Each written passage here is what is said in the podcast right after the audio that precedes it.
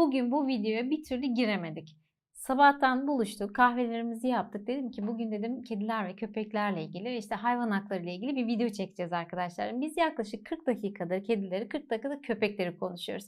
Onlardan konuşmaya bayılıyoruz. Çok sosyal canlılar, hayatımızın içindeler. Fobisi olanları dışında tutarsak aslında hayatımıza neşe veriyorlar. Kedilerle, köpeklerle vakit geçirmek daha fazla oksitosin hormonu salgılamamıza sebep oluyor gibi bir sürü bilgiyi bulabileceğiniz ve biraz da yılların tartışmasına aslında alan açtığımız bir konuya hoş geldiniz. Kedi mi, köpek mi?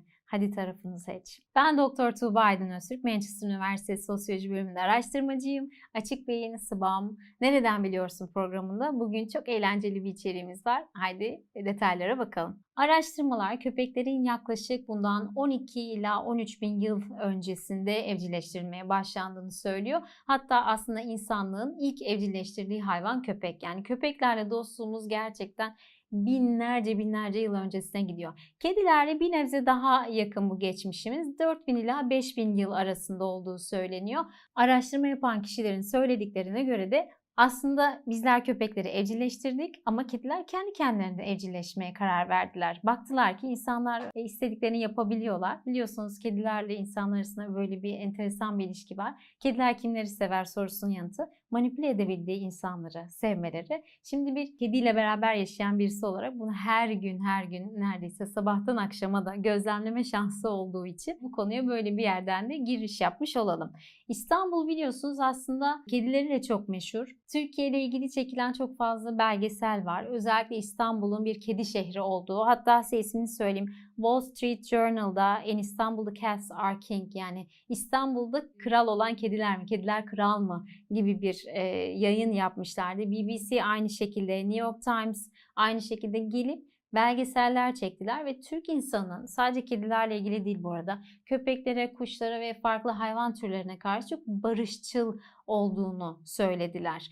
E, bunu dünyanın farklı yerlerinde yaşadığım için ve çokça başka milletlerden öğrenci ile karşılaşma şansım olduğu için de söyleyeceğim. E, genelde özellikle İstanbul'da ilk kez gelenlerin en çok şaşırdığı konulardan bir tanesi ne kadar çok hayvanları seviyorsunuz, ne çok kedi var, hayatınızın ne kadar ortasındalar sözcüğü. E, tabii bu biraz işin güzel tarafı, biraz böyle görünen madalyonun bir tarafı. Ve bir yandan da hayvan hakları yasası ile ilgili aslında sınıfta kaldığımız konular var. Bu konuda hayvanseverler hala buradaki o yasaları yeterli bulmuyorlar. Birazdan o konunun biraz daha içeriğine dalacağız. Ama onun öncesinde bugün sizlere iki tane farklı araştırmayla geldim.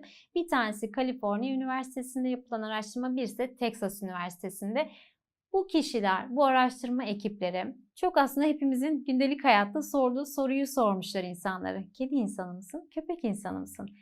Bunu neye göre belirliyorsunuz? Yani kediyle yaşayan insanlar nasıl, köpekle yaşayan insanların karakterleriyle ilgili bize bir ipucu verilebilir mi? Bu araştırmalara hadi bakalım sonrasında da hayvan hakları ile ilgili söyleyeceğimiz birkaç sözcüğümüz var. Evet bahsettiğimiz gibi Kaliforniya Üniversitesi Veterinerlik Fakültesi'nde yapılan bir araştırma var. Araştırmacının ismi bakın ne enteresan meslekler var hayatta.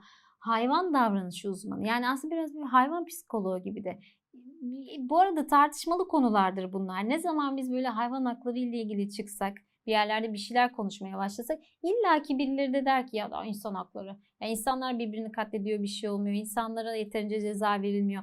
E, maalesef sosyal konularla ilgili yaşadığımız ülkede çok kolay bir şekilde konu ne olursa olsun bu konuları politize edebildiğimizi görebiliyoruz. Yani hayvan haklarını savunan herhangi bir kişinin argümanı insanlar kahrolsun, insanların hayatların önemli değil veya onların hakları önemli değil demek istemez.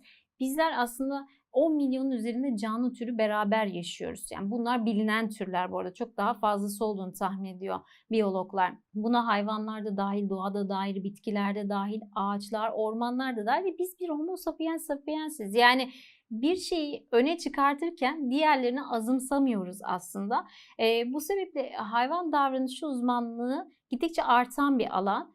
Çünkü e, metropolleşen e, dünyamızda insanlar daha fazla yalnız yaşıyorlar. Özellikle özel gereksinimi olan çocuklarda, daha farklı olan çocuklarda ve yaşlılarda, yalnız yaşayan yaşlılarda yapılan çokça e, deneyler, araştırmalar var. Böyle bir hayatında bir hayvana yer açmak veya bir bitkiye yer açmak bu kişilerin aslında onlara daha fazla sorumluluk duygusu da yüklediği için hem bilişsel performanslarını arttırmada hem de dediğimiz gibi aslında ruhsal yolculuklarında da onlara eşlik etmiş oluyor. Bu yüzden e, bu tarz işlere baktığımızda bütüncül bir bakış açısıyla görürsek eğer sanki sosyoekonomik ve statüsel açıdan tepede bir yerde birilerinin yaptığı bir şey gibi görünmez. Çünkü yaşadığımız dünyada hepimiz birbirimize muhtacız aslında. Birbirimizin e, birbirimize şifalandırma ve iyileştirme gücümüz var.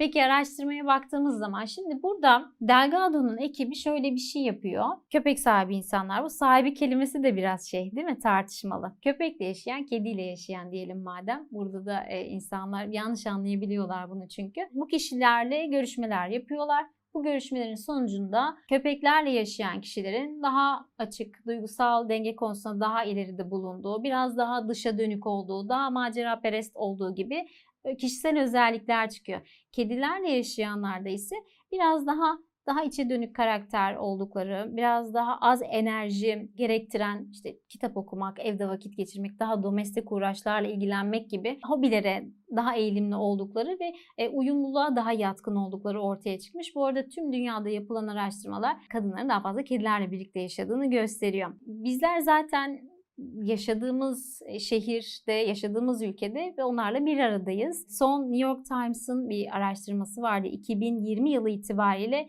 İstanbul'da 130 bin köpek, 125 bin kedi olduğunu söylemişlerdi. Biz bunu aramızda biraz tartışıp daha fazladır gibi düşündük ama Sonra da dedik yani bunlar çok sosyal canlılar olduğu için muhtemelen hep bizimle birlikteler ve çok göz önündeler. Bu sebeple biz rakamlarının daha da büyük olduğunu tahmin ediyoruz. Texas Üniversitesi'ndeki araştırmada Şimdi madde madde sayalım. Şu sonuçlar çıkmış. Köpek sahipleri rutinlere uymaktan daha çok keyif alıyorlar. Çünkü neticede bir hayatınızda bir köpek varsa onu günde en az bir ya da iki kez dışarı çıkarmalısınız. Belirli gereksinimleri var. Rutinler size göre ise daha köpek tarafında olabiliyorsunuz. Görev daha yüksek olduğu, daha enerjik ve aktiviteleri dış, dış aktiviteleri yani domestik alan değil de dışarıda vakit geçirmeyi daha çok sevdiklerini söylemişler. Kurallara daha bağlı olma eğilimindeler.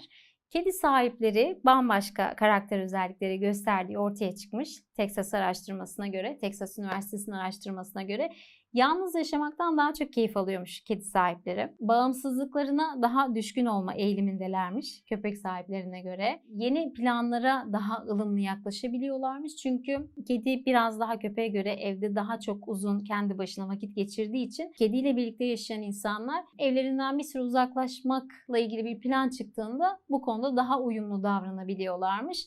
Daha içe dönük oldukları ve biraz daha evhamlı bir karakter gerçekleştirdikleri. E, şimdi evhamının sebebi de ortaya çıktı. İşte kediyle yaşayışı. Neden evhamlı?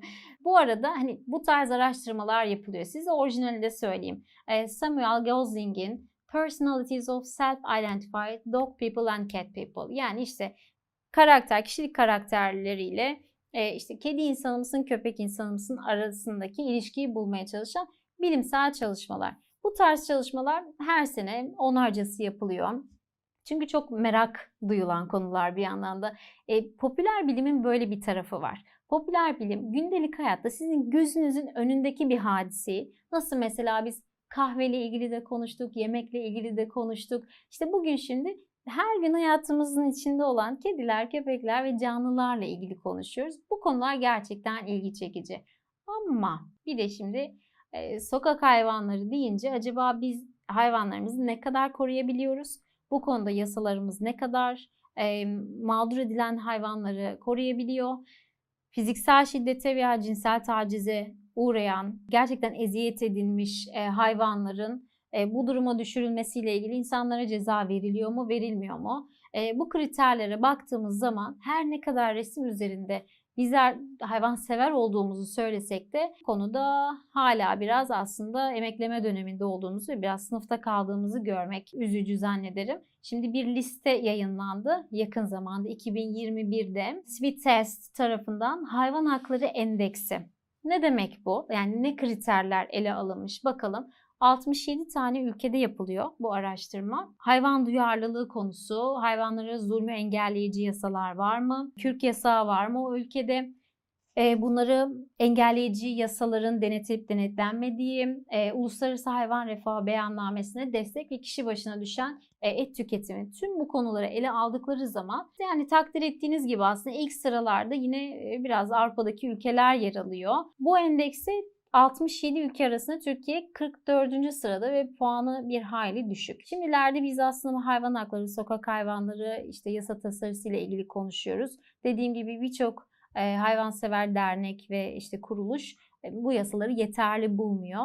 Bu konuda düşünmek gereken çok fazla şey var. Bu bütüncül bakış açısına sahip olmamız lazım. Bizler aslında atalarımızdan çok da farklı değiliz. Yani bu videolarda hep bunun altını çizmeye çalışıyorum. Bizden binlerce binlerce yıl önce yaşamış insanlar da bir hayvana ya da doğaya zarar verdiklerinde de e, kendileri ayıplanma veya toplumdan izole edilme, hakları haklarında kötü söz söylenme ile ilgili aslında bir ceza mekanizması işletmişlerdi. Ama bizler artık milyonlarca, milyarlarca insan bir arada yaşadığımız için kim ne yapıyor bilmiyoruz. Bu sebeple o mekanizmayı işletemiyoruz. Yani gözümüzün önünde birisi köpeğe, kediye veya bir hayvana kötü davranmıyor belki. Bunların farkında olmadığımız için belki sineye çekiyoruz. Ee, ama e, bir, bir an önce bu yasayla ilgili yapılması gerekenler var. Kedi mi köpek mi tartışması en son nasıl bitirelim? Benim de bir tane kedim var. Leyla. E, belki böyle fotoğrafını falan bir yerlere koyarız. Hepsi çok tatlı, hepsi çok masumlar. Hayatımızda olduklarında çok ciddi anlamda bize iyi geliyorlar. Biz de onlara iyi gelelim olur mu? Teşekkürler izlediğiniz için.